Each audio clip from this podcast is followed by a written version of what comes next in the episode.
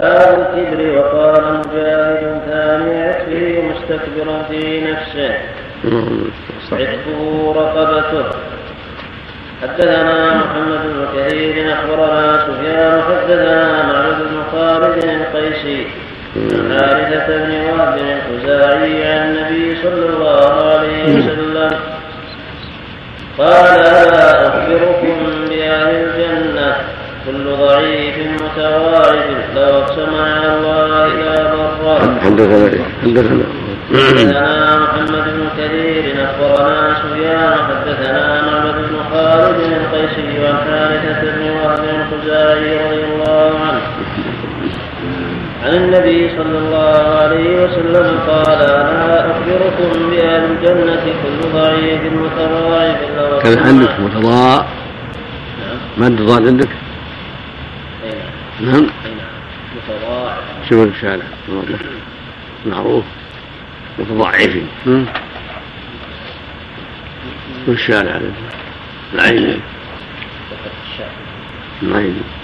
ذكر في الشرح صلى الله عليه قال هنا ويروى متضعف ومستضعف. أيضا. والكل يرجع إلى معنى واحد. والشارع الحافظ كذلك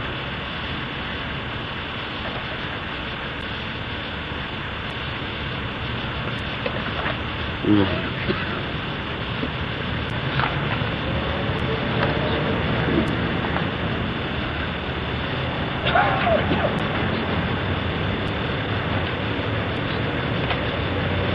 تعرض له كل ضعيف نعم. كل ضعيف نعم. ألا أخبركم بأهل النار؟ بأهل الجنة بأهل الجنة نعم قال ألا أخبركم بأهل الجنة. كل ضعيف متواعث لو أقسم على الله لا بر ألا أخبركم بأهل النار؟ كل عتل جوار مستكبر. الكلام على الحديث نفسه. الله المستعان.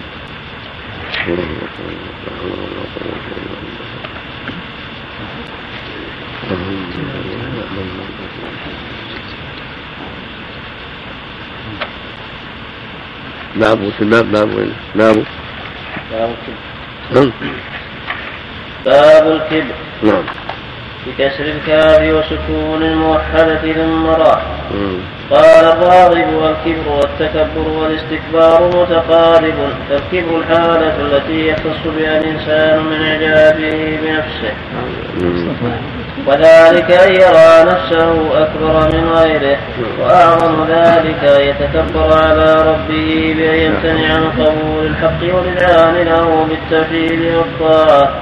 والتكبر يأتي على وجهين أحدهما أن تكون الأفعال الحسنة زائدة على محاسن الغير ومن ثم وصف سبحانه وتعالى ومن ثم وصف سبحانه وتعالى بالمتكبر.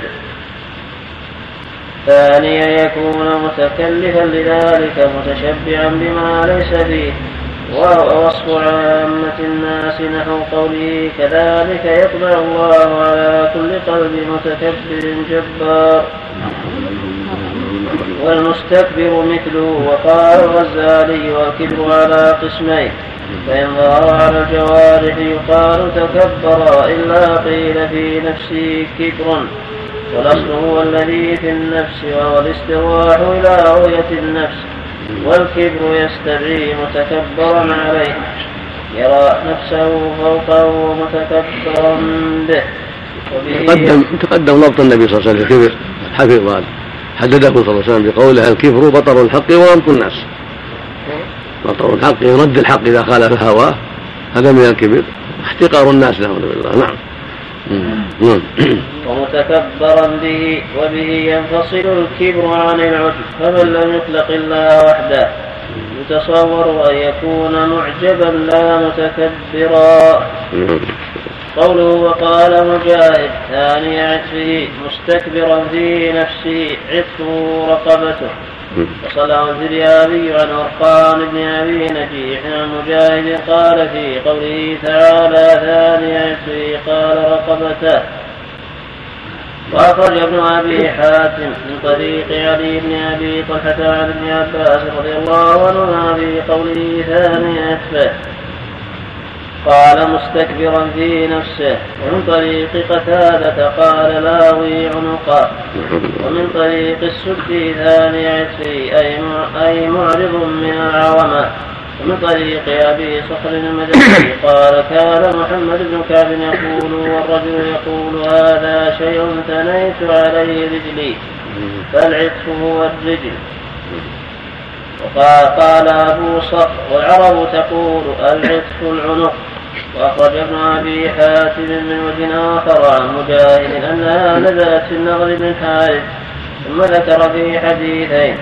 أحدهما حديث حارثة بن وهب وقد والمقدمة ما تقدم في سورة نون. ثاني عطفه هو عنقه يثنيه هكذا وهكذا تعاظما وتكبرا. نعم.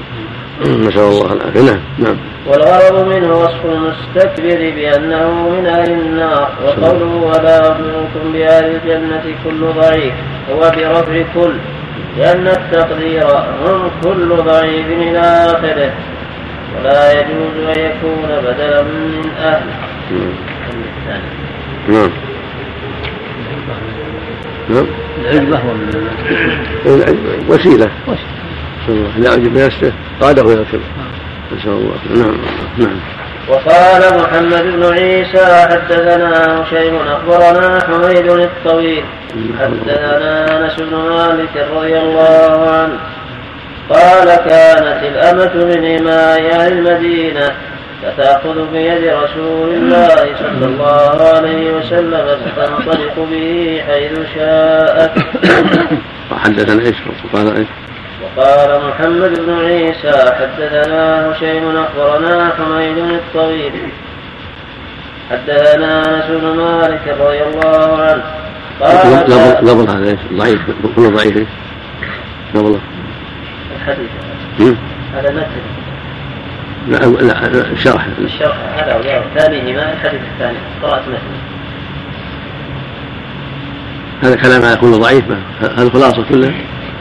كل ضعيف ضعيف قوله كل قوله كل ضعيف خبر مبتدأ وش بعده؟ خبر مبتدأ محلول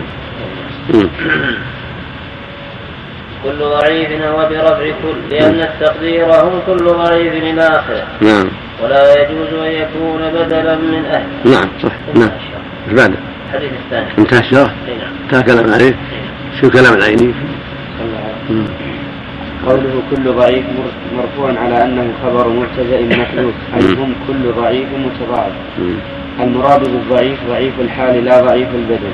والمتضاعف بمعنى المتواضع. ويروى متضاعف ومستضعف أيضا. والكل يرجع إلى معنى واحد وهو الذي يستضعفه الناس ويحتقرونه لضعف حاله في الدنيا. أو متواضع متذلل خامل الذكر. ولو أقسم يمينا طمعا في كرم الله بإبراره لأبره وقيل لو دعاه لأجابه. قوله عتل هو الغليظ الشديد الشديد العنف والجواب بفتح الجيم وتشديد الواو وبالضاء المعجمة المنوع أو المختال في المنوع المنوع. المنوع إيه؟ أو المختال في مشيته. المختال أو المختال. المختال أو المختال في مشيته والمراد أن أغلب أهل الجنة وأغلب أهل النار وليس المراد الاستيعاب في الطرفين لا يعني من هؤلاء يعني هؤلاء هو الغالب على أهل النار وهذا هو الغالب على أهل الجنة الغالب على أهل الجنة. أهل التواضع وعدم التكبر والغالب على أهل النار هم المتكبرون. نسأل الله العافية. لا حول ولا قوة إلا بالله. والجفاة. المانعون لما أوجب الله. نعم نسأل الله العافية. نعم. باب الهجرة. وقال محمد؟ بن عيسى معلق عندك. بعده. متن نعم. وقال محمد نعم. وقال محمد بن عيسى حدثنا هشيم أخبرنا حميد الطويل حدثنا انس بن مالك رضي الله عنه قال كانت الإماء الأمة من إماء أهل المدينة فتأخذ بيد رسول الله صلى الله عليه وسلم فتنطلق به حيث شاءت. المعنى تشكو إليه أنه صار كذا وصار كذا وتطلب منه أن يقف على الحقيقة عليه الصلاة والسلام. بنفسه فينطلق معها لإزالة ما تشكو منه ولإقامة الحق والعدل. نعم اللهم يا قال محمد. إيه. قوله وقال محمد بن عيسى أي ابن أبي نجيح. نعم الله المعروف بابن الطباع. بمهملة مفتوحة يعني بابن الطباع نعم. نعم. بمهملة مفتوحة وموحدة ثقيلة. نعم. وهو أبو جعفر البغدادي نزيل أذنة. بفتح الهمزة والمعجمة والنون. وهو ثقة عالم بحديث هشيم حتى قال علي بن المديني سمعت يحيى قطان وابن مهدي يسألاني عن حديث وشيء قال أبو حاتم حدثنا محمد بن عيسى بن الطباع الثقة المأمون. ورجحه على أخيه إسحاق بن ابن على أخيه إسحاق بن عيسى وإسحاق أكبر من محمد. قال أبو داود كان يتفقه. كان يحفظ نحو أربعين ألف حديث مات سنة أربع وعشرين ومائتين. وحدث عنه أبو داود بلا واسطة. وأخرج الترمذي في الشمائل والنسائي وابن ماجه من حديثه بواسطة. ولم أر له في البخاري سوى هذا الموضع. وموضع آخر في الحج قال محمد بن عيسى حدثنا. قال حماد ولم أر في شيء من نسخ البخاري تصريحه عنه بالتحديد وقد قال أبو نعيم بعد تخريجه ذكره البخاري بلا رواية. وأما الإسماعيلي فإنه قال قال البخاري قال محمد بن عيسى فذكره ولم يخرج له سندا. وقد ضاق مخرجه على أبي نعيم أيضا. ساقه في مستخرجه من طريق البخاري. وغفل عن كونه في مسند أحمد وأخرجه أحمد عن شيء من شيخ محمد بن عيسى فيه. وإنما عدا البخاري عن تخريجه عن أحمد بن حنبل لتصريح حميد في رواية محمد بن عيسى بالتحديث. فإنه عنده عن شيء من أنبانا حميد أنس. وحميد مدلس البخاري والبخاري يخرج له ما صرح فيه بالتحديث قوله فتنطلق به حيث شاءت في رواية أحمد فتنطلق به في حاجتها وله من طريق علي بن زيد عن أنس رضي الله عنه. إن كانت الوليدة من ولاء ديار المدينة لتجيء فتأخذ بيد رسول الله صلى الله عليه وسلم فما ينزع يده بيدها حتى تذهب به حيث شاءت وأخرجه ابن ماجه من هذا الوجه والمقصود من الأخذ باليد لازمة. وهو الرفق والانقياد. وقد اشتمل على أنواع من المبالغة في التواضع.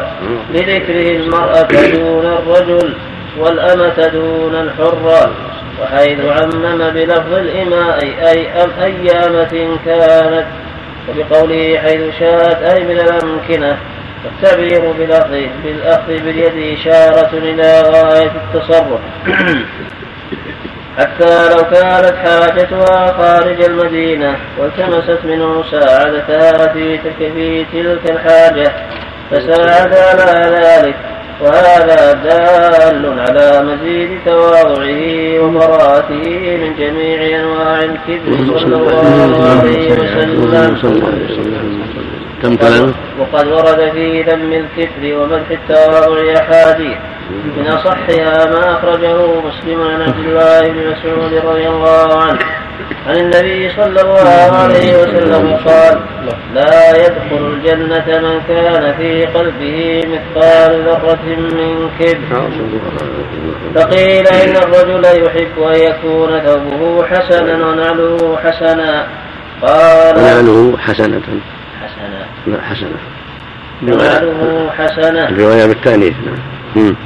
ونعله حسنة قال الكبر بطر الحق وغمط الناس. والغمط بفتح المعجمة وسكون الميم بعدها مهملة هو الازدراء والاحتقار وقد أخرجه الحاكم بلفظ الكبر من بطر من بطر الحق وازدر الناس. من بطر.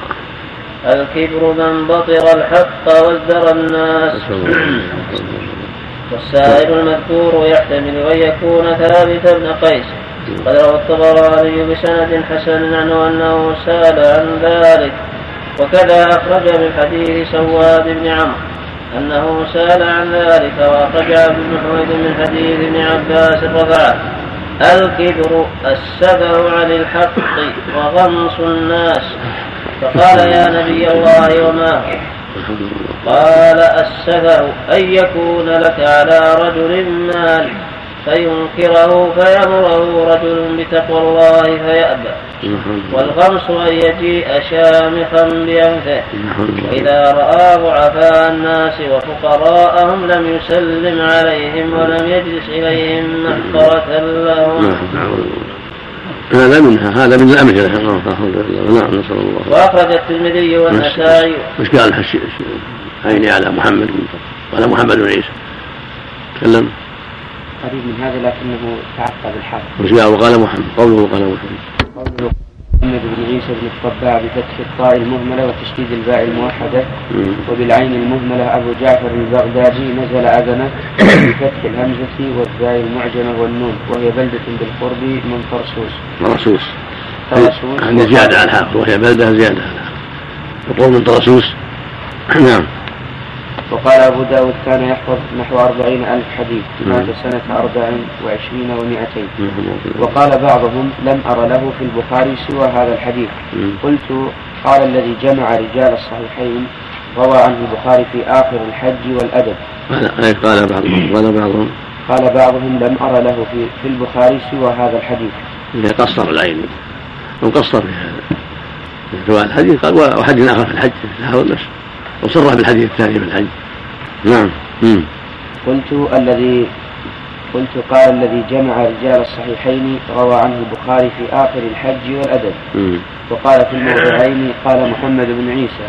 مم. وقال صاحب التوضيح وهذا يشبه أن يكون البخاري أخذه عن شيخه محمد بن عيسى مذاكرة. وقال أبو جعفر بن حمدان النيسابوري كل ما قال البخاري قال لي فلان فهو عرض ومناولة وقال بعض المغاربة يقول البخاري قال لي وقال لنا ما ما علم له إسناد ما علم له إسنادا لم يذكره للاحتجاج به وإنما ذكره للاستشهاد وكثيرا ما يعبر المحدثون بهذا اللفظ مما جرى بينهم في المذاكرات والمناظرات وأحاديث المذاكرة قلما يحتجون بها قاله الحافظ الدمياطي وهشيم بن بشير أبو معاوية الواسطي والحديث من أفراده وأخرجه أحمد بن حنبل عن هشيم ماشي نعم. الله المستعان نعم متى؟ نعم. باب الهجرة. وقول النبي وقول رسول الله صلى الله عليه وسلم لا يحل لرجل أن يهجر أخاه فوق ثلاث حدثنا أبو اليمان أخبرنا شعيب عن الزهري قال حدثني عوف بن مالك بن الطفيل هو ابن الحارث وهو ابن أخي عائشة زوج النبي صلى الله عليه وسلم لأمها. أن عائشة حدثت أن عبد الله بن الزبير قال في بيع أو عطاء أعطته عائشة. والله لتنتهين لتنتهين عائشة. لتنتهين. لتنتهين عائشة أو لا عليها. فقالت أو قال هذا؟ قالوا نعم. قال هو لله علي نذر ألا أكلم ابن الزبير أبدا. فاستشفع ابن الزبير إليها حين قالت الهجرة. فقالت لا والله لا أشفع فيه أبدا ولا أتحنث إلى نذري. ولما قال ذلك على ابن الزبير كلم المسور بن مخرمة وعبد الرحمن بن الأسود بن عبد يغوث وهما من بني زهرة وقال لهما أنشدكما بالله كما أدخلتني على عائشة فإنها لا يحل لها أن تبذر قطيعتي فأقبل به المسور وعبد الرحمن مشتملين بأرضيتهما حتى استأذنا على عائشة فقال السلام عليك ورحمة الله وبركاته وندخل قالت عائشة ادخلوا. قالوا كلنا قالت نعم ادخلوا كلكم. فلا تعلم أن معهم ابن الزبير. فلما دخل لما دخلوا دخل ابن الزبير الحجاب فاعتنق عائشة وطفق يناشدها ويبكي. وطفق المسور وعبد الرحمن يناشدانها إلا ما كلمت وقبلت منه. فيقولان إن النبي صلى الله عليه وسلم نهى عما قد علمت من الهجرة. عما قد علمت. ويقولان إن النبي صلى الله عليه وسلم نهى عما قد علمت علمت من الهجرة.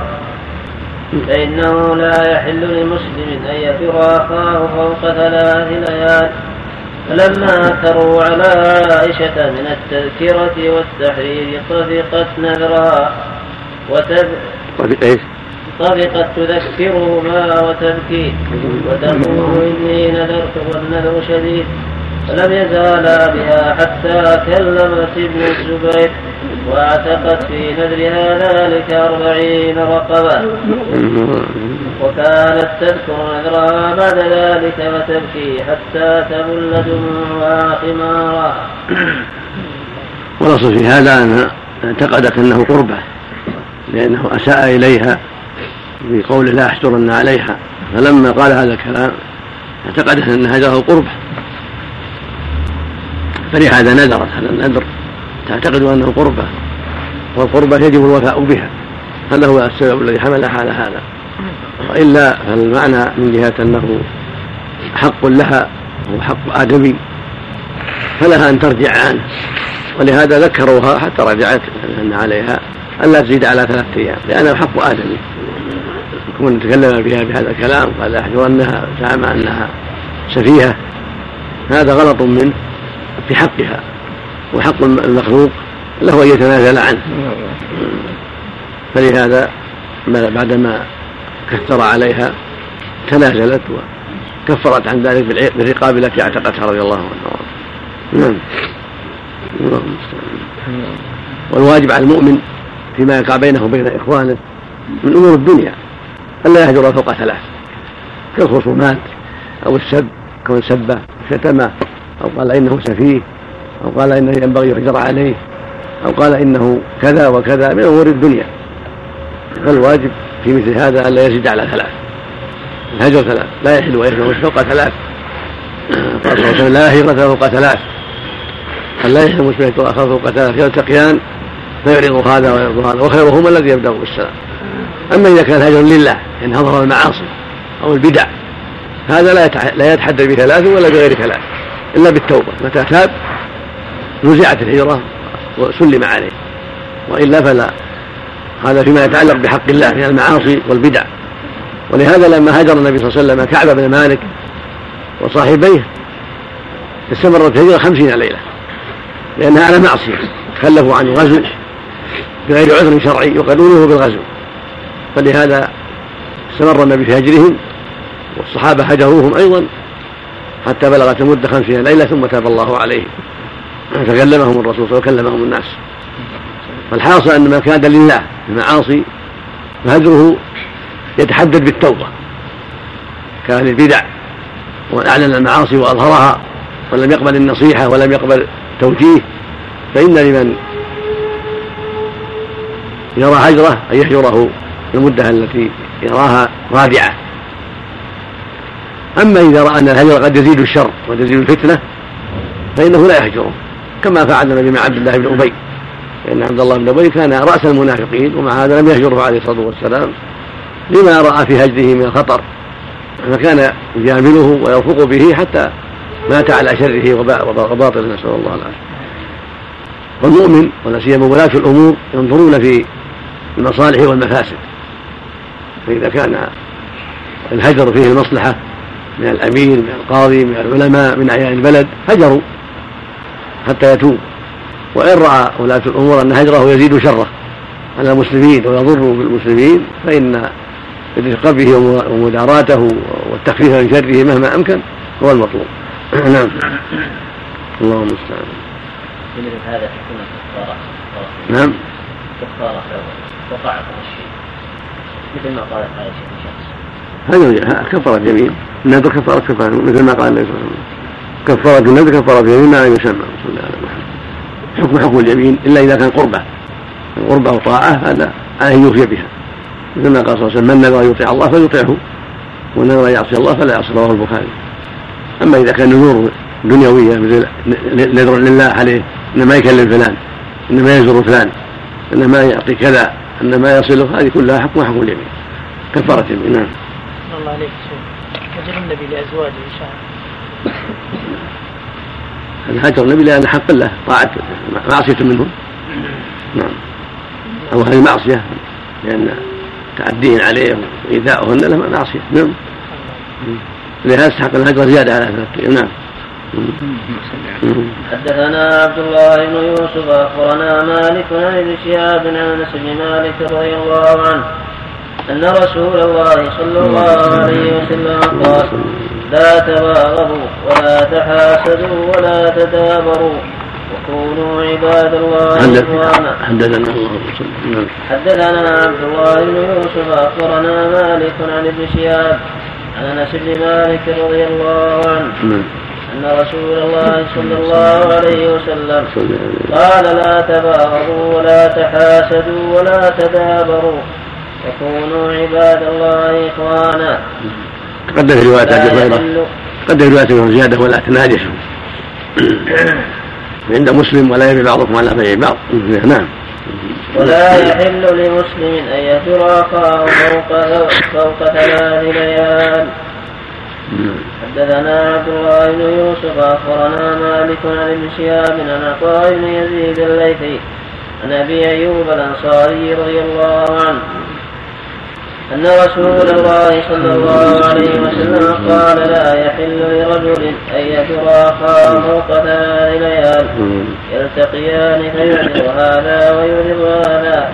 وخيرهما الذي يبدأ بالسلام. الله أكبر الله أكبر نعم. اللهم المستعان اللهم المستعان اللهم المستعان باب ما يجوز من الهجران لمن عصى بركة سب صف كم؟ 497 بركة سب اللهم اغفر لنا. اللهم اغفر لنا. نعم. بسم الله الرحمن الرحيم الحمد لله رب العالمين. والصلاة والسلام على نبينا محمد وعلى آله وصحبه أجمعين. قال الإمام أبو عبد الله البخاري رحمه الله تعالى باب ما يجوز من الهجران من الهجران لمن عصى. وقال كعب حين تخلف عن النبي صلى الله عليه وسلم. ونهى النبي صلى الله عليه وسلم المسلمين عن كلامنا وذكر خمسين ليلة. نعم. حدثنا محمد قال أخبرنا عبدة عن هشام بن عروة عن أبيه عن عائشة رضي الله عنها قالت قال رسول الله صلى الله عليه وسلم إني لأعرف غضبك ورضاك. قالت قلت وكيف تعرف ذاك يا رسول الله؟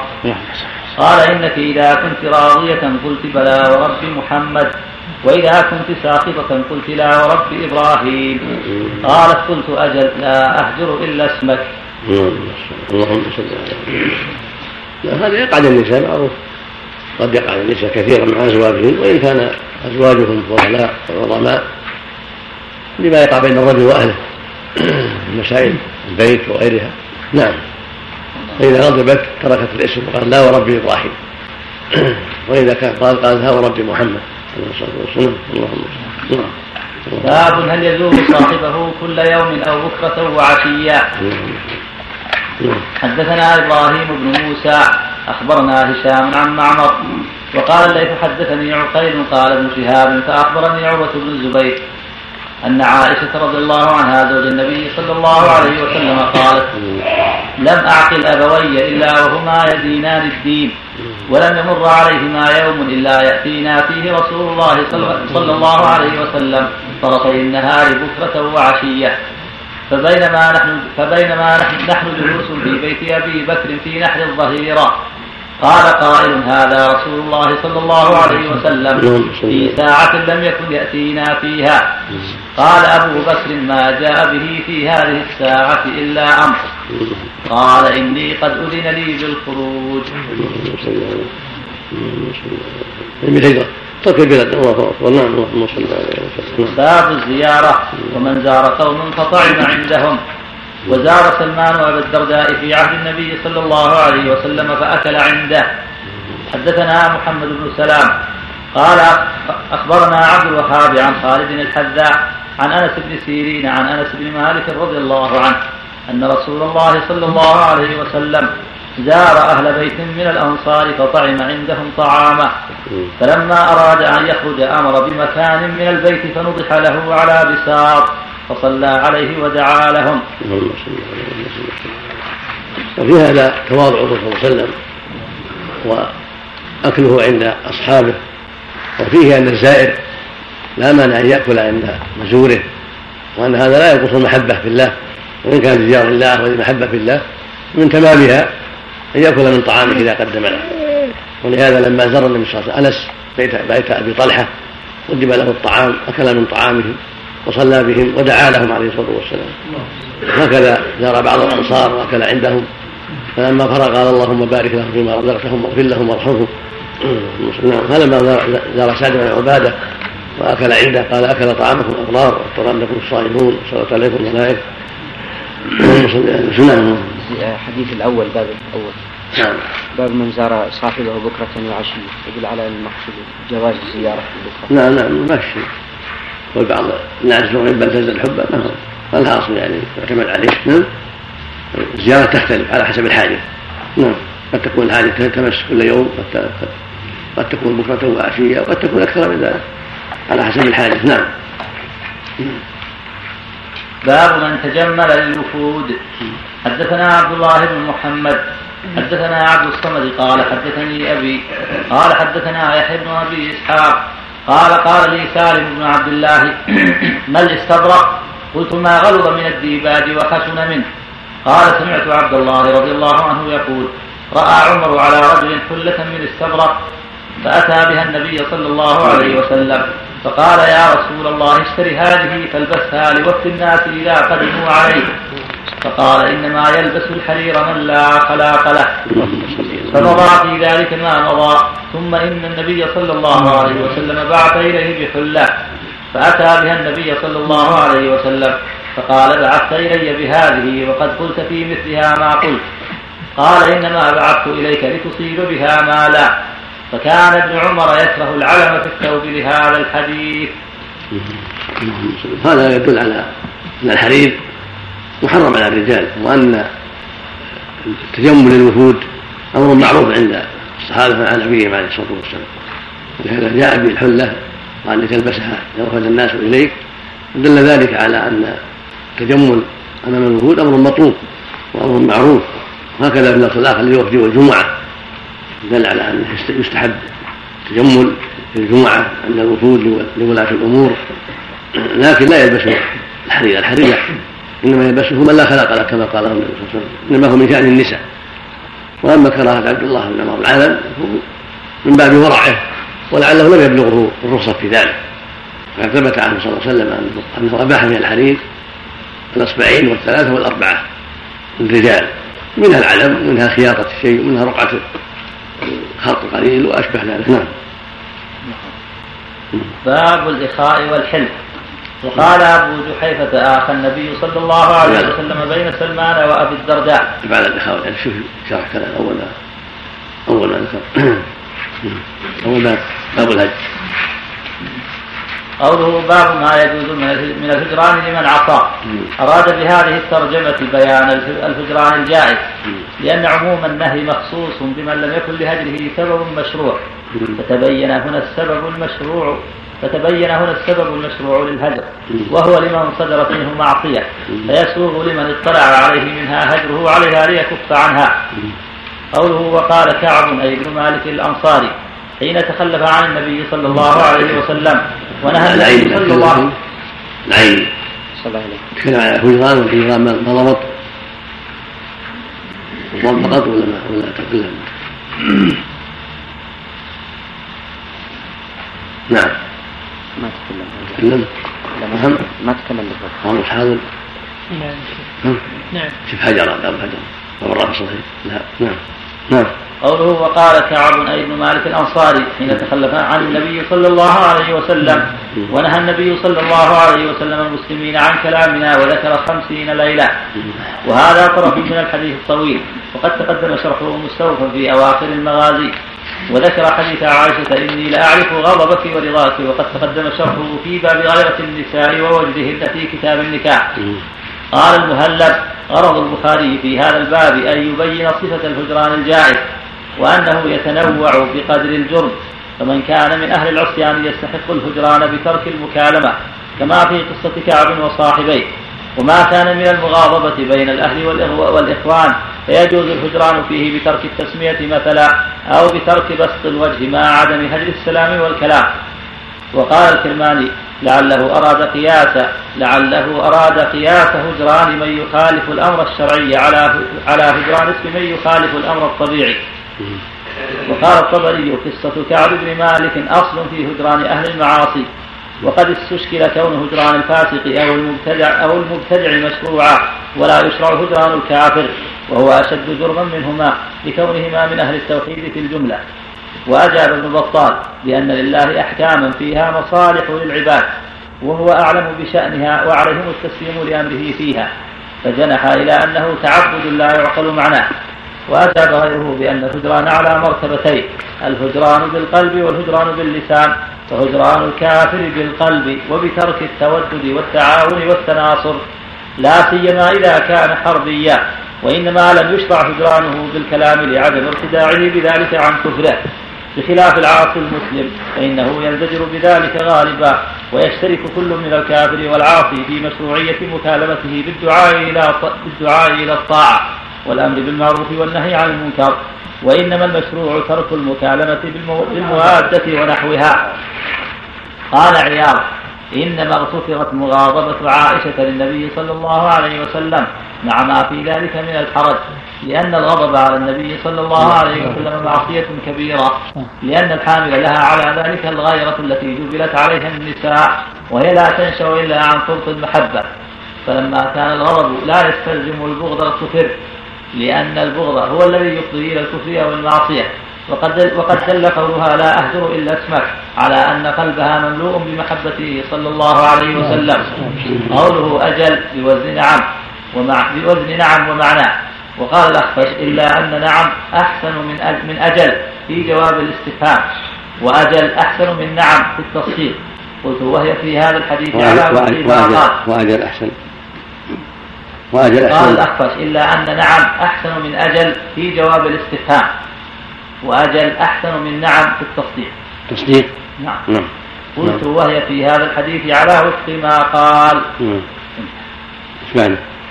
باب هل يزور صاحبه كل يوم أو بكرة أو عشية.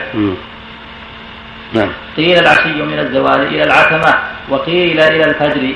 فقال ابن فارس العشاء بالفتح والمد الطعام وبالكسر من الزوال إلى العتمة والعشي من الزوال إلى الفجر. قوله هشام هو ابن يوسف قوله عن معمر وقال الليث حدثني عقيل. وفي بعض النسخ حام وقال الليث والعشاء والعشاء الله. أو العشاء بالفتح ومد الطعام وبالكسر من الزوال إلى العتمة. العشي والعشاء نعم والعشي من الزوال إلى الفجر؟ والعشي ولا والعشاء؟ لا والعشي الأول الأولى العشاء بالفتح والمد الطعام. نعم نعم. والعشي من الزوال إلى الفجر والعشي من الزوال إلى الفجر إلى العتمة؟ إلى الفجر. لا لا عند عند الكلام العشاء. قوله العشي من الزوال إلى العتمة وقيل إلى الفجر. وقيل إلى الفجر. نعم. فقال ابن فارس العشاء بالفتح والمد الطعام وبالكسر من الزوال إلى إلى العتمة. نعم. والعشي من الزوال إلى الفجر. يعني يطلق على هذا وعلى هذا. زعم المعنى يطلق على هذا ولا من الزوال إلى العتمة ومن الزوال إلى آخر الليل. هذا فيه نظر أو فيه نظر الأول أظهر وأوضح نعم. الأول هو أظهر من الزوال إلى العتمة ذكر القولين في الأول. نعم. هذا كذا. قيل. نعم. هذا أظهر نعم. الأول أظهر نعم. إيش بعده؟ قوله وقال الليث وهذا التعليق سبق مطولا في باب الهجرة إلى المدينة موصولا عن يحيى بن بكير عن الليث. قوله قال ابن شهاب فأخبرني عروة.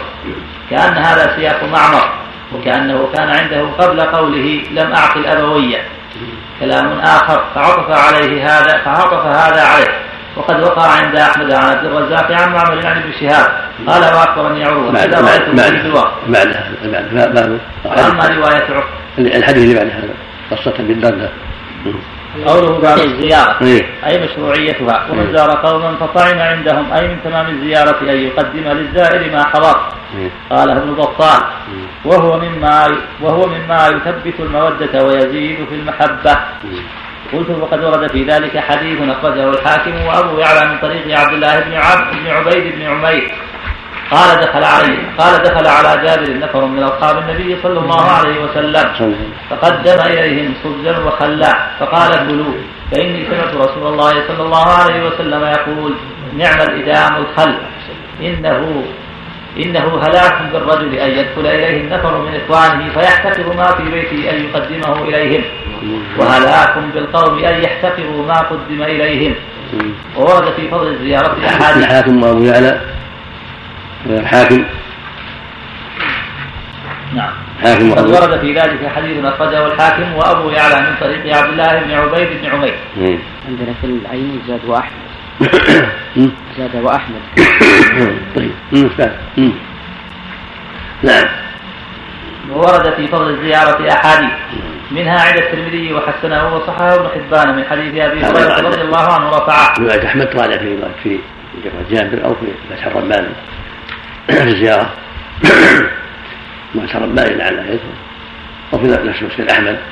المهم كذلك الحاكم موجود متسر أبو يعلى الآن تحت في عند جماعة من الطلبة في تخريج أحاديثه تحقيقة. هو كتاب عظيم مسند أبي يعلى كتاب عظيم. يسر الله إخراجه. خرج من شيخ نعم. يقول خرج بعض الأجزاء. طبعه. لين خمسة. طبع. نعم. من حققه؟ والله ما أدري اثنين خبر الاسد من عبد الله بن التويلي حق بعض جملة منه. نعم. أقل في زيارة المريض أفضل هذه تسمى العيادة عيادة المرضى لها شأن آخر عيادة المرضى شأن آخر لها فرض آخر. نعم. نعم. وورد في فضل الزيارة أحاديث. نعم. منها عند الترمذي وحسنه وصححه ابن حبان من حديث أبي هريرة رضي الله عنه رفعه من عاد مريضا أو زار أخا له في الله ناداه مناد طبت وطاب ممشاك وتبوأت من الجنة منزلا. وله شاهد عند البزار من حديث أنس بسند جيد. وعند مالك وصححه ابن حبان من حديث معاذ بن جبل رضي الله عنه مرفوعا حقت محبتي للمتزاورين للمتزاورين في الحديث وأخرجه أحمد بسند صحيح من حديث عفان بن مالك. وعند الطبراني اذكر روايات مالك وجبت محبته وجبت محبتي وهو اسناد جيد عند مالك رحمه الله. وجبت محبتي يقول هو الرب عز وجل وجبت محبتي المتزاورين فيه والمتبادلين فيه والمتجالسين فيه. نعم. وعند الطبراني من حديث صفوان بن عسال رفعه من زار أخاه الم... من زار أخاه المؤمن خالط الرحمة حتى يرجع. قوله وزار سلمان نسي نسي نسي الشارح حديث رواه مسلم الصحيح أن أخا زار أن شخصا زار أخا له في الله. فارسل الله على مدرجته ملكا. فلما مر عليه قال اين تذهب؟ قال يا فلان أخي لي في القريه الفلانيه ازوره قال لك من نعمة ربها عليه؟ قال لا إلا اني احبه في الله. قال إني رسول الله إليك إن الله يحبك كما أحببته. هذا رواه مسلم الصحيح حديث عظيم. نعم. فليناسب الإشارة إليه هنا. كان غاب عن ذلك ما ذكره؟ العيني. نعم. نعم. نعم. قوله وزار سلمان وابا الدرداء في عهد النبي صلى الله عليه وسلم فأكل عنده. هو طرف من حديث لابي حيث تتقدم مستوفا مشروحا في كتاب الصيام. قوله عبد الوهاب هو ابن عبد المجيد الثقفي. قوله زار أهل بيت من الأنصار. هم أهل عتبان بن مالك. كما مضى في الصلاة من وجه آخر عن أنس بن سيرين بأتم من هذا السياق. وأهل عتبان وأهل أنس كلهم زار عتبان وزار أنس. أبا طلحة. أو زار هؤلاء وهؤلاء. عليه الصلاة والسلام. وأوله. نعم. قال رجل من الأنصار للنبي صلى الله عليه وسلم إني لا أستطيع الصلاة معك وصنع طعاما الحديث. وأورده في صلاة الضحى وقصة عتبان و وقصة عتبان وطلبه من النبي صلى الله عليه وسلم أن يصلي في بيته قد تقدمت الصلاة أيضا مطولة وفيها أنه صلى الله عليه وسلم بعد أن صلى في بيته تأخر حتى أكل عندهم. وفيه قصة مالك بن الدخشم ووقع له صلى الله عليه وسلم نحو القصة التي في هذا الباب. في بيت أبي طلحة كما سيأتي في باب كنية الصبي. من طريق أبي التياح عن أنس رضي الله عنه. فإن فيه ذكر البساط ونضحه. لكن ليس فيه ذكر الطعام نعم في رواية ابن سيرين بأتم من هذا السياق وهل عثمان وهل أنس كله. زار عثمان وزار أنس. أبا طلحة. أو زار هؤلاء وهؤلاء عليه الصلاة والسلام وأوله نعم. قال رجل من الأنصار للنبي صلى الله عليه وسلم إني لا أستطيع الصلاة معك وصنع طعاما الحديث. وأورده في صلاة الضحى وقصة عتبان و وقصة عتبان وطلبه من النبي صلى الله عليه وسلم أن يصلي في بيته قد تقدمت الصلاة أيضا مطولة. وفيها أنه صلى الله عليه وسلم بعد أن صلى في بيته تأخر حتى أكل عندهم. وفيه قصة مالك بن الدخشم. ووقع له صلى الله عليه وسلم نحو القصة التي في هذا الباب. في بيت أبي طلحة كما سيأتي في باب كنية الصبي. من طريق أبي التياح عن أنس رضي الله عنه. فإن فيه ذكر البساط ونضحه.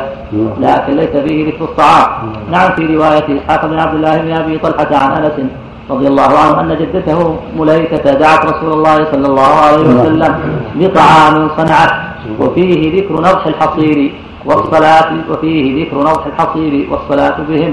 لكن ليس في أول القصة التي في رواية أنس بن سيرين عن أنس رضي الله عنه أن الرجل قال لا أستطيع الصلاة معك فإن هذا القدر مختص بقصة عتبان. نعم. ليش لا سطر واحد. نعم. سطر واحد. نعم. فتعين الحمل عليه. وهم من رجح أنه بيت أبي طلحة. وفي الحديث استحباب الزيارة ودعاء الزائر لمن زاره وطعم عنده. اللهم صل اللهم صل اللهم صل وفي قصة زيارة أبي الدرداء سلمان لأبي الدرداء أيضا فوائد أخرى وهي أن الزائر إذا رأى من أخيه خللا أنكر عليه ووجهه. فإن أبا الدرداء كان قد اجتهد في العبادة وترك أهله. ينام الليل يقوم الليل ويصوم النهار. فلما زار سلمان بن الدرداء ورأى أم الدرداء متكثره قال ما شانكم؟ قالت إن أبا الدرداء ليس ليس له غرض فينا أو ليس له شغل بنا أو ما, ما يدل على إعراضه عنها. فنصحه. سلمان وقال إن لأهلك عليك حقا ولزوجك عليك حقا ولنفسك عليك حقا. وأمره أن يفطر وقال لا اكل حتى تفطر. فأفطر وأكل معه. ولما روي يقول في أول الليل قال لا نم. فلما كان الثلث الأخير أيقظه وقام وصليا جميعا هذا كله فيه توجيه لأبي الدرداء وإحسان إليه وإلى أهله. نصحه ووجهه قال له ينبغي أن تفعل كذا وتفعل كذا وتفعل. ثم توجه إلى النبي صلى الله عليه وسلم الصباح وأخبراه بما جرى. فقال الذي صدق سلمان صدق سلمان. اللهم صل عليه وسلم نعم. هجر الشيخ. يقول هجر هجرا بالفتح وهجرانا بالكسر. صرمه هجر هجر. هجر هجرا بالفتح وهجرانا بالكسر. صرمه والشيء تركه. كأهجره وفي الصوم اعتزل فيه عن النكاح. وهما يهتجران ويتهاجران يتقاطعان. والاسم الهجرة بالكسر. وهجر الشرك هجرا وهجرانا وهجرة حسنة. والهجر والهجر بالكسر وبالضم. الخروج من أرض إلى أخرى وقد هاجر. والهجرتان هجرة إلى الحبشة. هي المقصودة بين أنه بكسر الهجران هذا الشيخ قال ينبغي الشارح ينبه على ما نبه عليه. الهجران مصدر هاجر هجرانا بالكسر. نعم. واحد يعني كان ما في وجه آخر ظاهر القاموس ما فيه إلا الكسر نعم 98 99 و400 جمع طريق. نعم. جمع طرق حديث زر غضا تزداد حده من هو؟ الحافظ في صف كم؟ 98 99 و400 على الحديث ها؟ على نفس الحديث فيه؟ على حديث على الحديث اللي قرانا حديث زيارة النبي صلى الله عليه وسلم لأبي بكر بكرة وعشية. اي ذكر فيه ذكر تكلم عليه اي نعم. طول عليه صفحة تقريبا. راجع صف كم؟ 98 99 و400 سم- نعم وش خلاصة هذا؟ لا أتى- أتى بالخلاصة ولا ما أتى بالخلاصة؟ خلاص إنه ما ثبت. نعم. إنه لم يثبت. الحديث حديث هذا الله. نعم. نعم عقبها العين؟ والعين يتعقب الحاء إيه. شاء قال بعضهم كأن البخاري رمز بالترجمة إلى توهين الحديث المشهور زر غبا تزدد حبا. نعم. قلت هذا تخمين في حق البخاري لأنه حديث مشهور روي عن جماعة من الصحابة. وهم علي وأبو ذر وأبو هريرة وعبد الله بن عمرو وعبد الله بن عمر وأبو برزة وأنس وجابر وحبيب بن مسلمة ومعاوية بن حيدة وقد جمع أبو نعيم وغيره طرقة. نعم. ورواه الحاكم في تاريخ نيسابور والخطيب في تاريخ بغداد بطريق قوي. فإن قلت رواه الحاكم. ورواه الحاكم في تاريخ نيسابور والخطيب في تاريخ بغداد بطريق قوي. فإن قلت كان الصديق أولى بالزيارة لدفع مشقة التكرار عنه صلى الله عليه وسلم قلت قال ابن كثير لم يكن يجيء إلى أبي بكر لمجرد الزيارة بل لما يتزايد عنده من علم الله. وقيل كان السبب ذلك أنه صلى الله عليه وسلم إذا جاء إلى بيت أبي بكر رضي الله تعالى عنه يأمن من أذى المشركين بخلاف ما لو جاء أبو بكر إليه. وقيل يحتمل أن أبا بكر كان يجيء إليه في النهار والليل أكثر من من مرتين. انتهى بس محل النظر يحتاج إلى تأمل ويحتاج إلى تأمل الطرق التي ذكرها. ذكر عشرة من الصحابة. نعم. آخر كلام الحافظ في هذا آخر كلام الحافظ السطر الأخيرة عنه بعدما ساق الطرق. بعدما ساق التخريجات والعزم.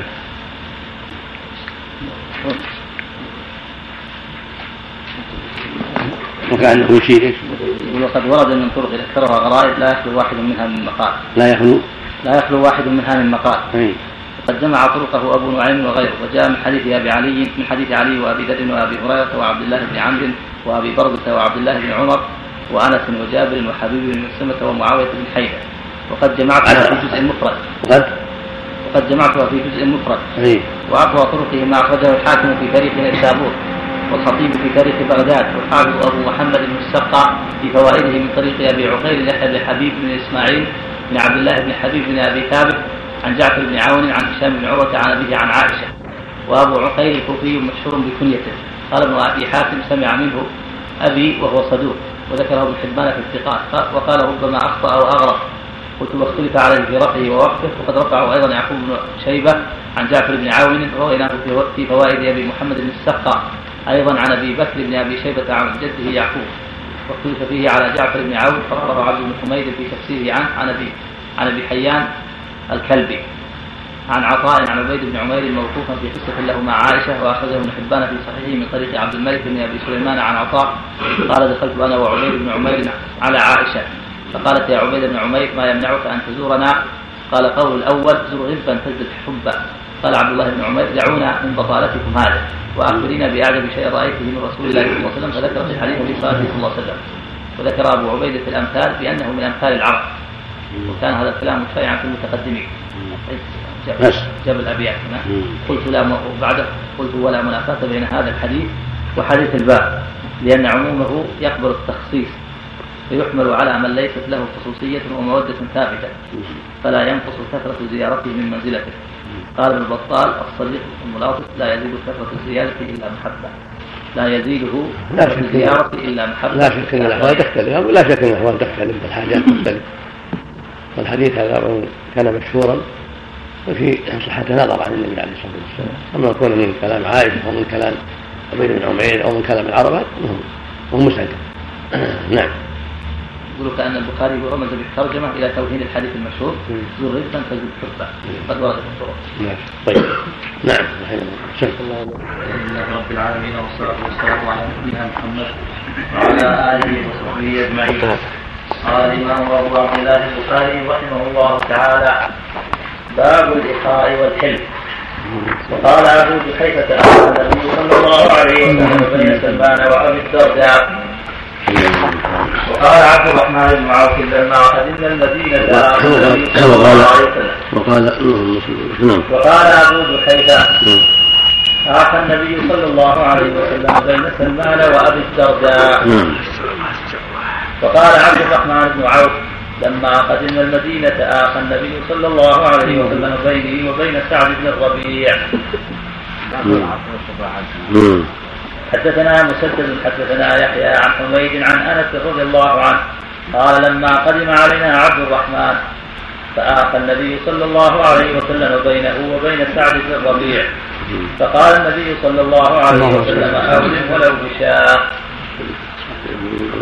حدثنا محمد بن صباح حدثنا إسماعيل بن زكريا حدثنا عاصم قال قلت لأنس بن مالك رضي الله عنه قال قلت لأنس بن مالك رضي الله عنه ابلغك أن النبي صلى الله عليه وسلم قال لا حلف في الإسلام؟ فقال قد حالف النبي صلى الله عليه وسلم بين قريش والأنصار في داري. كان هذا أول. آخر النبي اول أول ما قدم.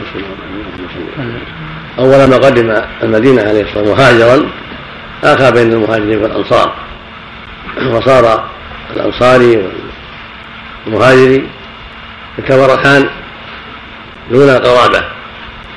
وكانت هذه من باب التعاون والمحبة وإزالة الوحشة والشحناء ضد أعداء الله ضد اليهود وغيرهم من أعداء الله. ثم أنزل الله المواريث وقال فيه جل وعلا وأولو الأرحام بعضهم أولى ببعض. فنسخ ذلك الحلف. وبقيت المواريث وبقيت المغالاة الدينية المغالاة في الله والمحبة في الله. وقال صلى الله عليه وسلم لا حلف في الإسلام. وما كان من حلف في الجاهلية لم يزد الإسلام إلا شدة. فالمناصرة الإسلامية والموالاة الإسلامية كافية عن التحالف الجديد. وهذا هو معنى لا حلف في الإسلام هذا كان بعد ما أخى بينهم عليه الصلاة والسلام. نعم. سبب الحالف هو ما تقدم هو تجديد التناصر والتأكيد في التناصر ضد العدو المشترك لأن هؤلاء قدموا عليهم من بلاد غير بلادهم هم المهاجرون. فخيف أن تكون هناك وحشة أو انقسام. فأخى النبي بينهم صلى الله عليه وسلم على أنهم إخوة في الله عز وجل. هذا أخو هذا وهذا أخو هذا بينهم محبة وبينهم التناصر والتوارث. هم أولى بهذا من أقاربهم. نعم. ثم بعد ذلك نسخ هذا الأمر. نعم. صار الفقراء خلوا أموالهم في هذا عن شيء المال شيء آخر زيادة. لكن الإخاء غير مسألة المال. نعم. ليس لهم شيء من الإرث. نعم. في هذا الوقت القرابة ليس لهم شيء من الإرث. في ذاك الوقت لا. كيف؟ المهاجري الأنصاري دون أخيه من أبي وأمه نعم. يكون نسخ عام بناء عليه. نعم نسخ عام. ما يبقى إلا مودة الإسلام ومحبة الإسلام والموالاة في الإسلام. نعم. أما التوارث فهو لأهله. القرابات. نعم. والأصحاب نعم. لو وجد الحاجة حسن الله كانت الحاجة في الصحابة في هذا الواقع لا يوجد محاباة. تأكد الموالاة الإسلامية تؤكد عليهم الموالاة والأخوة الإسلامية والتناصر. أما الموارث بقي حكمها مستقر نعم. والحلف بدون توارث نعم. كافي ما في الإسلام. أقول الإسلام جعلهم إخوة. نعم. نعم. باب التبسم والضحك. وقالت فاطمة رضي الله عنها أسر إلي النبي صلى الله عليه وسلم فضحكت. وقال ابن عباس رضي الله عنهما إن الله هو أضحك وأبكى. حدثنا حبان بن موسى. أخبرنا عبد الله أخبرنا معمر عن الزهري عن عروة عن عائشة رضي الله عنها أن رفاعة القرضية أن رفاعة القرضية طلق امرأته فبت طلاقها فتزوجها بعده عبد الرحمن بن الزبير. فجاءت النبي صلى الله عليه وسلم وقالت يا رسول الله إنها كانت عند رفاعة فطلقها ثلاث تطليقات فتزوجها بعده عبد الرحمن بن الزبير وإنه والله ما معه يا رسول الله إلا مثل هذه الهدبة بهدبة أخذتها من جلباب من جلبابها. قال وأبو بكر رضي الله عنه جالس عند عند النبي صلى الله عليه وسلم وابن سعيد بن العاص جالس بباب الحجرة ليؤذن له. فطفق خالد ينادي أبا بكر. يا أبا بكر ألا ألا تزجر هذه عما تجهر به عند رسول الله صلى الله عليه وسلم؟ وما يزيد رسول الله صلى الله عليه وسلم على التبسم. ثم قال لعلك تريدين أن ترجعي إلى رفاعة. لا حتى تذوقي عسيلته ويذوق عسيلتك. حدثنا إسماعيل. حدثنا إبراهيم. عندك باب عليها؟ باب التبسم والضحك نعم. وهذا محله كتاب الطلاق ولكنها ذكره المؤلف هنا من أجل التبسم وأنه صلى الله عليه وسلم لما رأى كلامها وما ذكرت عن زوجها الأخير وأنه لا يستطيع الجماع وأن ذكره ضعيف مثل عوده الثوب تبسم من ذلك عليه الصلاة والسلام. وقال أتريد أن ترجع إلى رفاعة؟ من زوجها الأول لا. حتى تذوقي عسيلته ويذوق عسيلتك يعني حتى يكون الزوج الأخير يدخل بها ويطأها. ثم إذا طلقها بعد ذلك حلت الأول. يعني إلا طلقها آخر الثلاث. حين في رواية مسلم طلقها الطلقة الأخيرة الثالثة. نعم.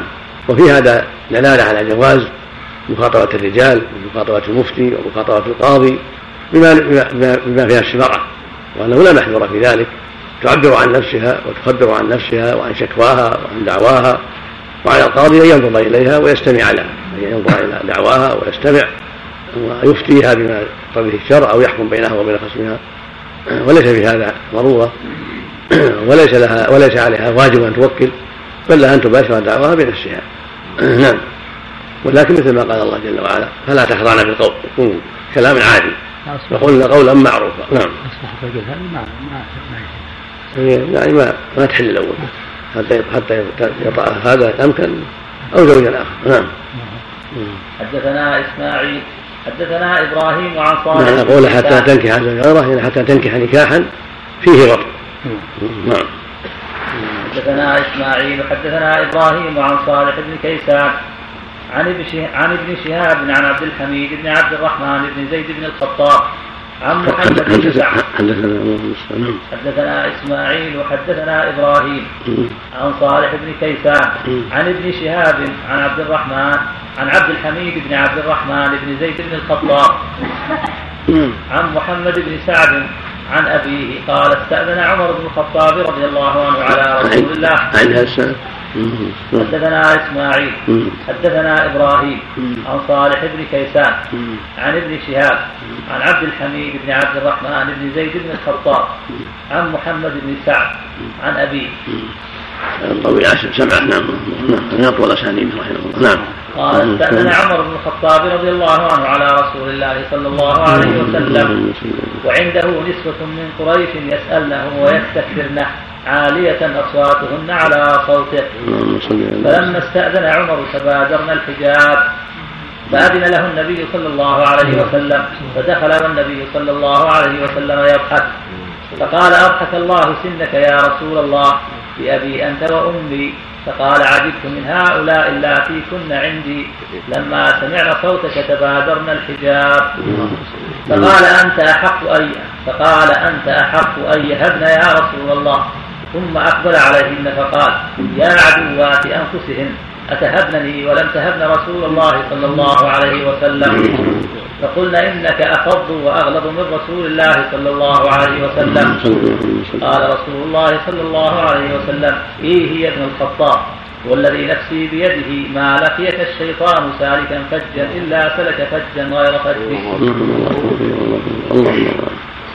هذه منقبة عظيمة لعمر ودلالة على أنه لا بأس بالمدح لم إذا لم يكثر نعم لبيان الحق لأن الرسول هو المبين إذا ما بينه ومن يبين عليه الصلاة والسلام. وفي هذا صبره صلى الله عليه وسلم وتحمله لمسألة النساء. فكان قد علت أصواتهن يسأل أشياء ويستكثرنه. وهو صابر عليه الصلاة والسلام. فلما سمع صوت عمر بادر الحجاب خرجنا من عنده عليه الصلاة والسلام. تبين له فتبسم عليه الصلاة والسلام. والمقصود قول التبسم. وتبسم من هيبتهن منه ومبادرتهن الحجاب لما جعل الله في شخصية عمر من الهيبة العظيمة رضي الله عنه وأرضاه ولما كان عليه من أخلاقه العظيمة القوية. نعم اللهم الله نعم. نعم. والإمام الإيمان في الجميع إيمان الرسول أقوى. هو لكن هذه صفة أخرى غير الإيمان. قوة قوة الإيمان وليس أقوى من النبي لكن شدة في نفسه عليه الصلاة والسلام. نعم. نعم. حدثنا قتيبة بن سعيد حدثنا سفيان عن عمرو عن أبي العباس عن عبد الله بن عمرو رضي الله عنهما قال أي حدثنا حدثنا قتيبة بن سعيد. حدثنا سفيان عن عمرو عن أبي العباس. نعم. عن عبد الله بن عمرو رضي الله عنهما قال لما كان رسول الله صلى الله عليه وسلم بالطائف قال إنا قافلون غدا إن شاء الله. فقال ناس من أصحاب رسول الله صلى الله عليه وسلم لا نبرح أو نفتحها. فقال النبي صلى الله عليه وسلم فاغدوا على القتال. قال فغدوا فقاتلوهم قتالا شديدا وكثر فيهم الجراحات فقال رسول الله صلى الله عليه وسلم إنا قاتلون غدا إن شاء الله. قال فسكتوا. فضحك رسول الله صلى الله عليه وسلم. قال الحميدي حدثنا معنى هذا الخبر أن- كله. أنهم في المرة الأولى قالوا لا يا رسول نحب أن نقاتل حتى نفتحها. فإن طائف فلما كثرت فيهم الجراح وقال إنا قائمون غدا سكتوا فدل ذلك على أنهم رغبوا في القتول نعم. فضحك النبي صلى الله عليه وسلم من ضعف ابن آدم. أمس يقولون لا حتى نفتحها واليوم سكتوا لما أصابهم الجراح.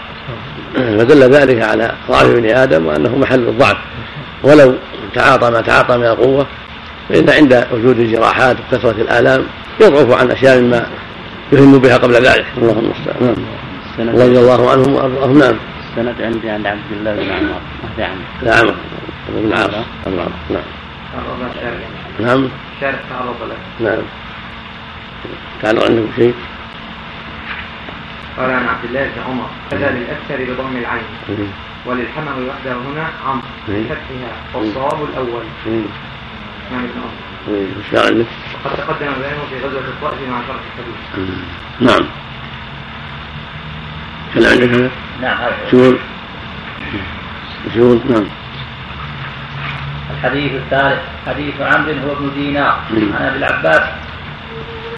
عن أبي العباس وهو الشاعر عن عبد الله بن عمر. كذا للاكثر بضم العين. وللحموي وحده هنا عمرو بفتحها. والصواب الأول وقد تقدم بيانه في غزوة الطائف مع شرح الحديث. والغرض منه هنا كلكم خلق آية الحموي بالواو. المثل عندكم بالواو؟ نعم. هذا رواية الحموي. نعم. خلف عن عندكم وإن كان الأصل هو رواية عمر بن عمرو بن عمر. نعم. ولهذا قال هنا نعم. نعم. قال الحميدي حدثنا سفيان بالخبر كله. بس. نعم. أقصد كلام نعم. قال الحميدي حدثنا سفيان بالخبر كله. أول السنة عندك؟ حدثنا قتيبة حدثنا سفيان. عن عمرو عن ابي العباس عن عبد الله بن عمرو. قال لما كان قال الحميدي كذا. نعم. وقال الحميدي. قال الحميدي حدثنا سفيان بالخبر كله. يعني تأكيد ما تقدم. لأن ما ساقه خبر خبره بسفيان كله نعم تكلم عن شيء تقدم بيان من وصله بغزوة الطائف ووقع في رواية الكشميهني حدثنا سفيان كله بالخبر. والمعنى أنه ذكر بصريح الإخبار في جميع السند لا بالعنعنة. طيب. نعم. متابعة. نعم. هو الشيخ هو الشيخ المؤلف شيخ قتيبة. حدثنا قتيبة. نعم. هل عندك؟ نعم. حدثنا الحميدي. حدثنا قتيبة بن حدثنا سفيان. نعم. حدثنا إيش؟ حدثنا قتيبة بن سعيد. نعم. حدثنا سفيان عن ابي العباس. وقال الحميدي شيخ البخاري أيضا. نعم. الحميدي شيخ له أيضا. معنى انه تابع قتيبة على على ما روى عن سفيان. نعم. نعم. وأن صرح بالت- بالتحديث فيها كلها. نعم. لكن هل هذا يفهم أن قتيبة ما صرح؟ نعم. هل هل يفهم هذا أن شيخه الأول قتيبة ما لا بس يبين أن الحميدي روى عن سفيان بالتحديث في جميع كلمات السند.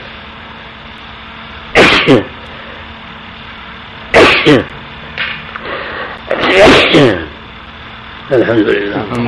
يهديك الله ويصلح بالك شيخ قتيبة حدث حدثنا قتيبة بن سعيد. نعم. حدثنا سفيان عن عمرو عن ابي العباس عن بس عبد الله بن يعني يعني الحميدي رواه.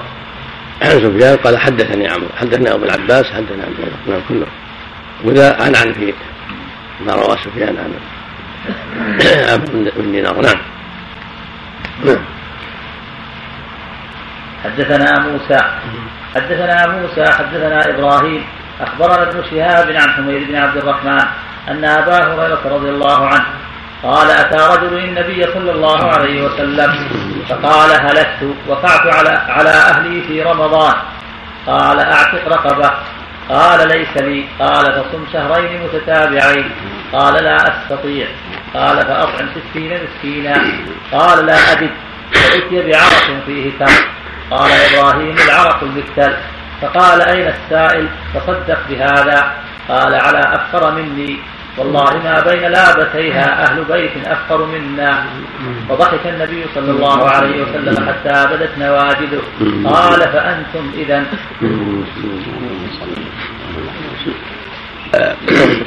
نعم. والشاهد قوله فضحك عليه الصلاة والسلام. نعم. وفيه الضحك عند الفتوى تعجبا. إذا قال المستفتي ما يتعجب منه فإنه بينما هو جاء أتى ليسأل عما يؤدي عما فعل فبينت له الكفارة العتق ثم الصيام ثم الإطعام ثم بعد هذا كله لما قيل جاءت الصدقة وقيل أطعمها قال أهل أهل البيت أفقر منا. يعني نحن أحوج إلى هذا الطعام من غيرنا. نعم. فضحك النبي عند هذا عليه الصلاة والسلام. بينما هو المطلوب منه أن يؤدي إذا هو يطلب لنفسه. نعم. نعم. نعم. إذا لم يقدر على الإطعام تسقط عنه؟ احتج العلماء بهذا على سقوطها وأن النبي صلى الله عليه وسلم قال أطعمه أهلك ولم يأمره بالقضاء. فدل ذلك على سقوط كفارة الوطن لمن عن العاجز نعم. الذي لا يقدر. نعم. بخلاف الظهار بخلاف القتل فإنها في الذمة. نعم. حتى يؤدي. نعم. حدثنا عبد العزيز بن عبد الله الأويسي. حدثنا مالك عن إسحاق بن عبد الله بن أبي طلحة عن أنس بن مالك رضي الله عنه. قال كنت أمشي مع رسول الله. حدثنا حدثنا عبد العزيز بن عبد الله الأويسي. حدثنا مالك عن إسحاق بن عبد الله بن أبي طلحة. عن أنس بن مالك رضي الله عنه. قال كنت أمشي مع رسول الله صلى الله عليه وسلم. وعليه برد نجراني غليظ الحاشية. فأدركه أعرابي فجبد بردائه جبدة شديدة. قال أنس فنظرت إلى صفحة عاتق النبي صلى الله عليه وسلم وقد أثرت فيه حاشية الرداء من شدة جبدته. ثم قال يا محمد مر لي من مال الله الذي عندك. فالتفت إليه فضحك ثم أمر له بعطاء. وهذا أيضا مثل ما تقدم حلمه وصبره عليه الصلاة والسلام. رواية أخرى أن الأعرابي قال إنك لا تعطيني مالك ولا من مال أبيك. نعم. زاد في الكلام ومع هذا صبر عليه وحلم عليه ولم يقل له شيئا. وأمره بعطاء عليه الصلاة والسلام. وهذا من كمال الخلق العظيم.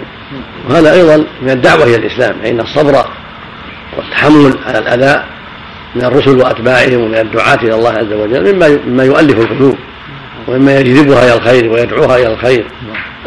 ولهذا صبر عليه الصلاة والسلام. الصبر العظيم. نعم. اللهم حدثنا في على الشارع هذا ذكر الزيادة قال الأعرابي مر لي. قوله.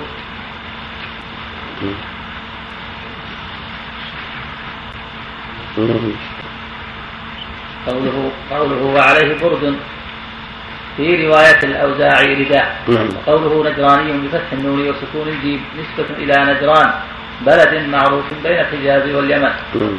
وتقدم في أواخر المغازي قوله غليظ الحاشية في رواية الأوزاعي. في رواية الأوزاعي الصنفة نعم. بفتح المهملة وكسر النون بعدها فاء وهي طرف الثوب مما يلي طرته قوله فأدركه أعرابي زاد حمام من أهل البادية. وفي رواية الأوزاعي فجاء أعرابي من خلفه. قوله فجبد بفتح الجيم والموحدة بعدها دال معجمة وفي رواية الأوزاعي فجذب وهي بمعنى جبد. قوله جبدة شديدة. في رواية عكرمة حتى رجع النبي صلى الله عليه وسلم في نحر الأعراب قوله قال أنس فنظرت إلى صفحة عاتقي. في رواية مسلم عنقي وكذا عند جميع الرواة عن مالك. وكذا في رواية الأوزاعي قوله أثرت فيها في رواية الكشميهني بها وكذلك مسلم من رواية مالك وفي رواية همام حتى انشق البرد وذهبت حاشيته في عنقه. وزاد أن ذلك وقع من الأعرابي لما وصل النبي صلى الله عليه وسلم إلى حجرته. ويجمع بأنه لقيه خارج المسجد فأدركه لما كاد يدخل فكلمه أو مسك بثوبه لما دخل. فلما كاد يدخل الحجرة خشي أن يفوته فجبذه. قوله مرلي في رواية الأوزاعي أعطنا. قوله فضحك في رواية الأوزاعي فتبسم. ثم قال مروا له. وفي رواية همام وأمر له بشيء. وفي هذا الحديث بيان حلمه صلى الله عليه وسلم وصبره على الأذى في النفس والمال. والتجاوز على جفاء من يريد تألفه على الإسلام. وليتأسى به الولاة بعده في خلقه الجميل. من الصفح والإغضاء والدفع بالتي هي أحسن. ما زاد شيء؟ العين زاد شيء نعم ما زاد شيء؟ نعم. حدثنا ابن نمير حدثنا ابن إدريس عن إسماعيل عن قيس عن جرير رضي الله عنه. قال ما حجبني النبي صلى الله عليه وسلم منذ أسلم ولا رآني إلا تبسم في وجهي. ولقد شكوت إليه أني لا أثبت على الخير. فضرب بيده في صدري وقال اللهم ثبته واجعله هاديا مهديا. حدثنا محمد وهذا. وهذا أيضا مثل ما تقدم. كمال اخلاقه سبحانه وتعالى. اللهم صل عليه وسلم. اللهم صل عليه وسلم. ولما حجبني هذا ما يدل على انه ينبغي لولي الأمر أن يراعي أحوال الناس. لأن بعض الناس لا يتحمل الحج- الحجب. يعني إذا استأذن أذن له. بعض الناس لا يتحمل أن يقال تأتي في وقت آخر أو الوالي مشغول أو الامير مشغول أو كذا. كان النبي صلى الله عليه وسلم إذا استأذن عن جرير أذن له. وكان من رؤساء قومه وشيوخ قومه المتبعين رضي الله عنه وارضاه وكان النبي يتالفه حتى صار من خير الناس ومن أئمة الهدى رضي الله عنه وارضاه وما لقيه إلا تبسم راه إلا تبسم تعجبا من كرم أخلاقه رضي الله عنه وأرضاه. وحرصه على الخير وتواضعه أيضا وكان سيدا في قومه. ثم ضرب في صدره حتى ثبته الله على الخير. فكان بعد ذلك من أثبت الناس على الخير. وغزا قومه وهدم صنمهم رضي الله عنه وأرضاه. نعم. اللهم المستعان اليهودي ما عجيبه نعم. اليهودي ما عجيبه ما سمعت اذكر شيء بس أغلظ له الكلام. اليهودي أغلظ ثم أسلم. يطلب نعم يطلب. المال لكن ما في قصة جيب فيما ما في قصة كان الجد. في أنه قال إنه مضطجع بني عبد المطلب. فحلم عن النبي صلى الله عليه وسلم وقال أعطه ماله. هم به الصحابة. قال دعوه فإن لصاحب الحق مقالا ثم أمر باعطائه عليه الصلاة والسلام.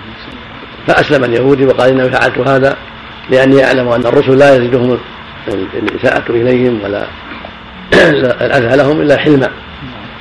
فبهذا علمت نبوتك فاسلم نعم اللهم نعم. نعم. حدثنا محمد بن المثنى. حدثنا يحيى عن هشام قال أخبرني أبي عن زينب بنت أم سلمة. عن أم سلمة رضي الله عنها أن أم سليم قالت يا رسول الله إن الله لا يستحيي من الحق. هل على المرأة غسل إذا احتلمت؟ قال نعم إذا رأت الماء. فضحكت أم سلمة فقالت أتحترم المرأة؟ فقال النبي صلى الله عليه وسلم فبما شبه الولد؟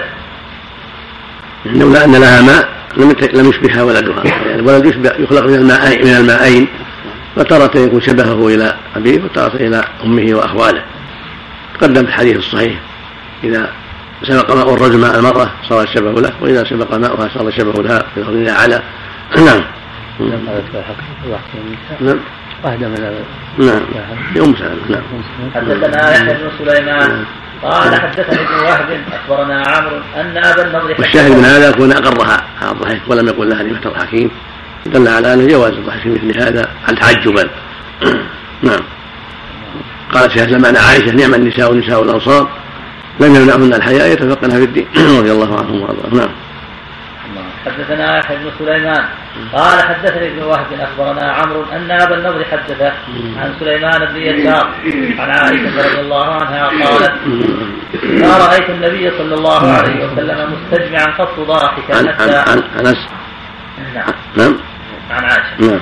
عن عائشة رضي الله عنها قالت ما رأيت النبي صلى الله عليه وسلم مستجمعا قط ضاحكا حتى أرى منه لهواته إنما كان يتبسم. اللهم صل على يعني هذا هو الغالب عليه الصلاة والسلام. نعم اللهم صل على نعم. حدثنا محمد بن محبوب حدثنا أبو عوانة عن قتادة عن أنس عن أنس رضي الله عنه.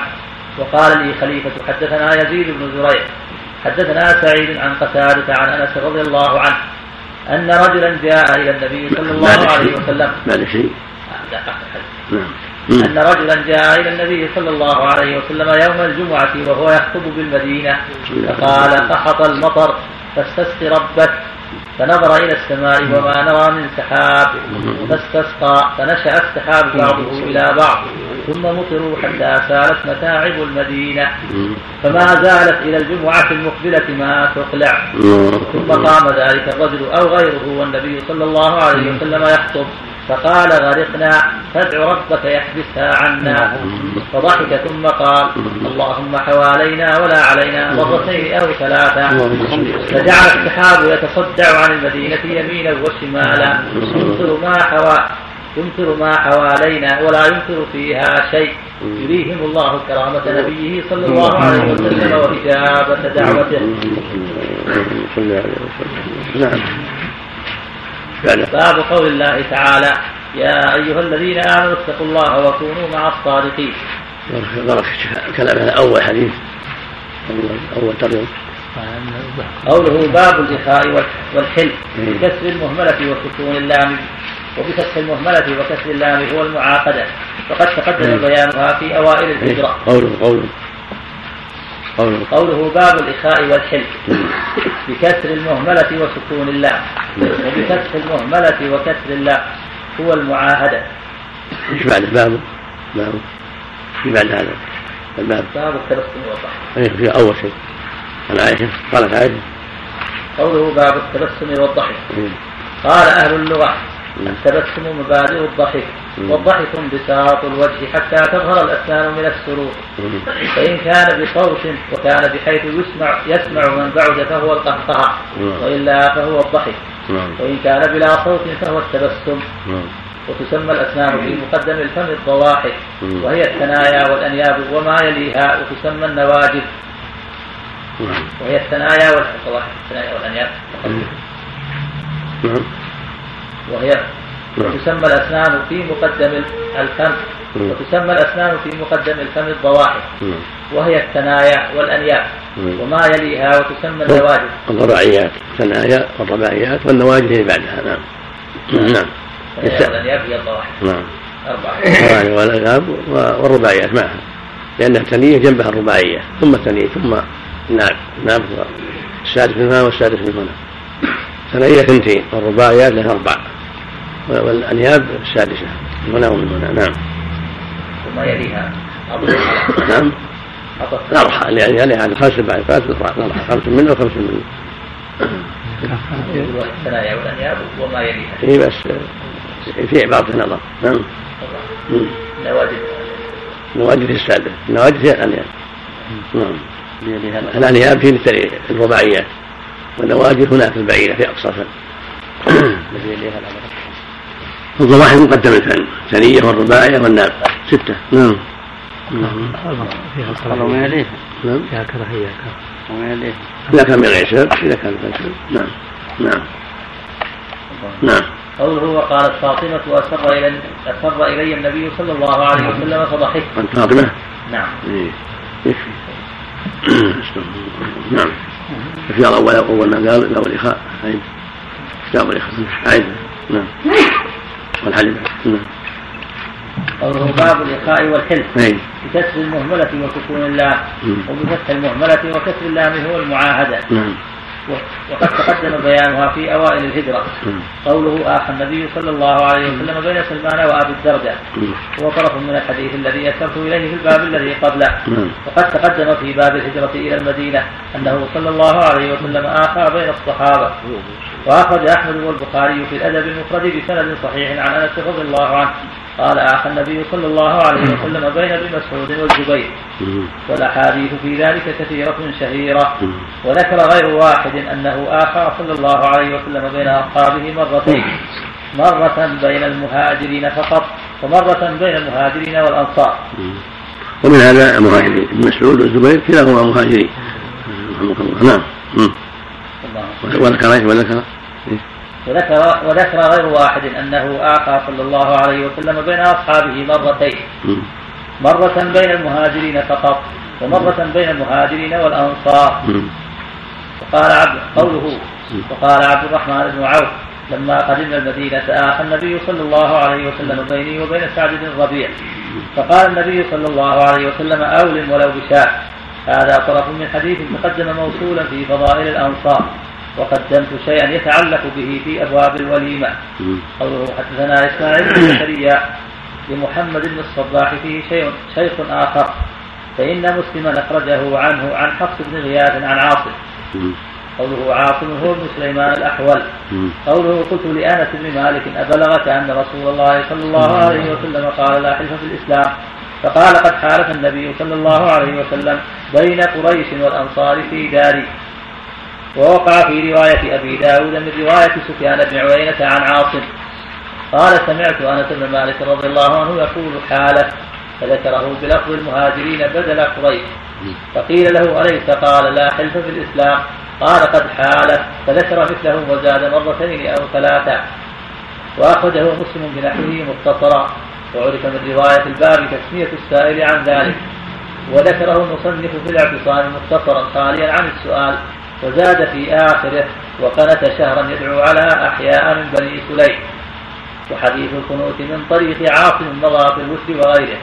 وأما الحديث المسؤول عنه فهو حديث صحيح أخرجه مسلم عن جبير بن مطعم رضي الله عنه عن النبي صلى الله عليه وسلم قال لا حلف في الإسلام وأيما حلف كان في الجاهلية لم يزده الإسلام إلا شدة.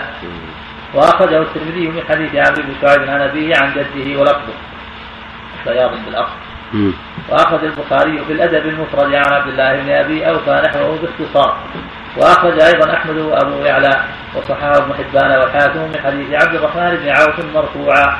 شهدت مع عمومتي حلف المطيبين فما أحب أن أنكث وحلف المطيبين كان قبل المبعث بمدة ذكره ابن إسحاق وغيره. وكان جمع من قريش اجتمعوا فتعاقدوا على أن ينصروا المظلوم وينصفوا بين الناس. ونحو ذلك من خلال الخير. وهذا معنى قوله ما كان في الجاهلية لم يزد الإسلام إلا شدة. يعني ما كان حلف مناسب يعني موافق. ولهذا قال ذكر في حلف المطيبين ما فيه. دل ذلك على أن الحلف الذي يوافق الإسلام فالإسلام لا يزيده إلا قوة. نعم. نعم. لأنهم تعاقدوا أن ينصروا المظلوم وأن ينصروا بها الناس ولا يقروا في مكة ظالم. نعم. نعم. صغير نعم بعده. واستمر ويستفاد واستمر على ذلك بعد المبعث. ويستفاد من حديث عبد الرحمن بن عوف أنهم استمروا على ذلك في الإسلام. وإلى ذلك الإشارة في حديث جبير بن مطعم. وتضمن جواب أنس وتضمن جواب آنس انكار صدر الحديث لأن فيه نفي الحلف وفيما قاله هو إثبات. ويمكن الجمع بأن المنفي ما كانوا يعتبرونه في الجاهلية من نقض الحليف ولو كان ظالما. ومن أخذ الثأر من القبيلة بسبب قتل واحد منها ومن التوارث ونحو ذلك. والمثبت ما عدا ذلك من نقد المظلوم والقيام في أمر الدين ونحو ذلك من المستحبات الشرعية كالمصادقة والمواددة وحفظ العهد. وقد تقدم حديث ابن عباس في نسخ التوارث في نسخ التوارث بين المتعاقدين. وذكر الداودي أنهم كانوا يورثون الحليف السدس دائما فنسخ ذلك. وقال ابن عيينة حمل العلماء قول أنس رضي الله عنه حالف على المؤاخاة. قلت لكن سياق عاصم عنه يقتضي أنه أراد المحالفة حقيقة. وإلا لما كان الجواب مطابقا. وترجمة البخاري ظاهرة في المغايرة بينهما وتقدم في الهجرة إلى المدينة. باب كيف آخى النبي صلى الله عليه وسلم بين أصحابه. وذكر الحديثين المذكورين هنا أولا ولم يذكر حديث الحلم. وتقدم ما يتعلق بالمؤاخاة المذكورة هناك قال النووي المنفي حلف التوارث وما يمنع منه الشرع وأما التحالف على طاعة الله ونصر المظلوم والمؤاخاة في الله تعالى فهو أمر مرغب فيه. صل على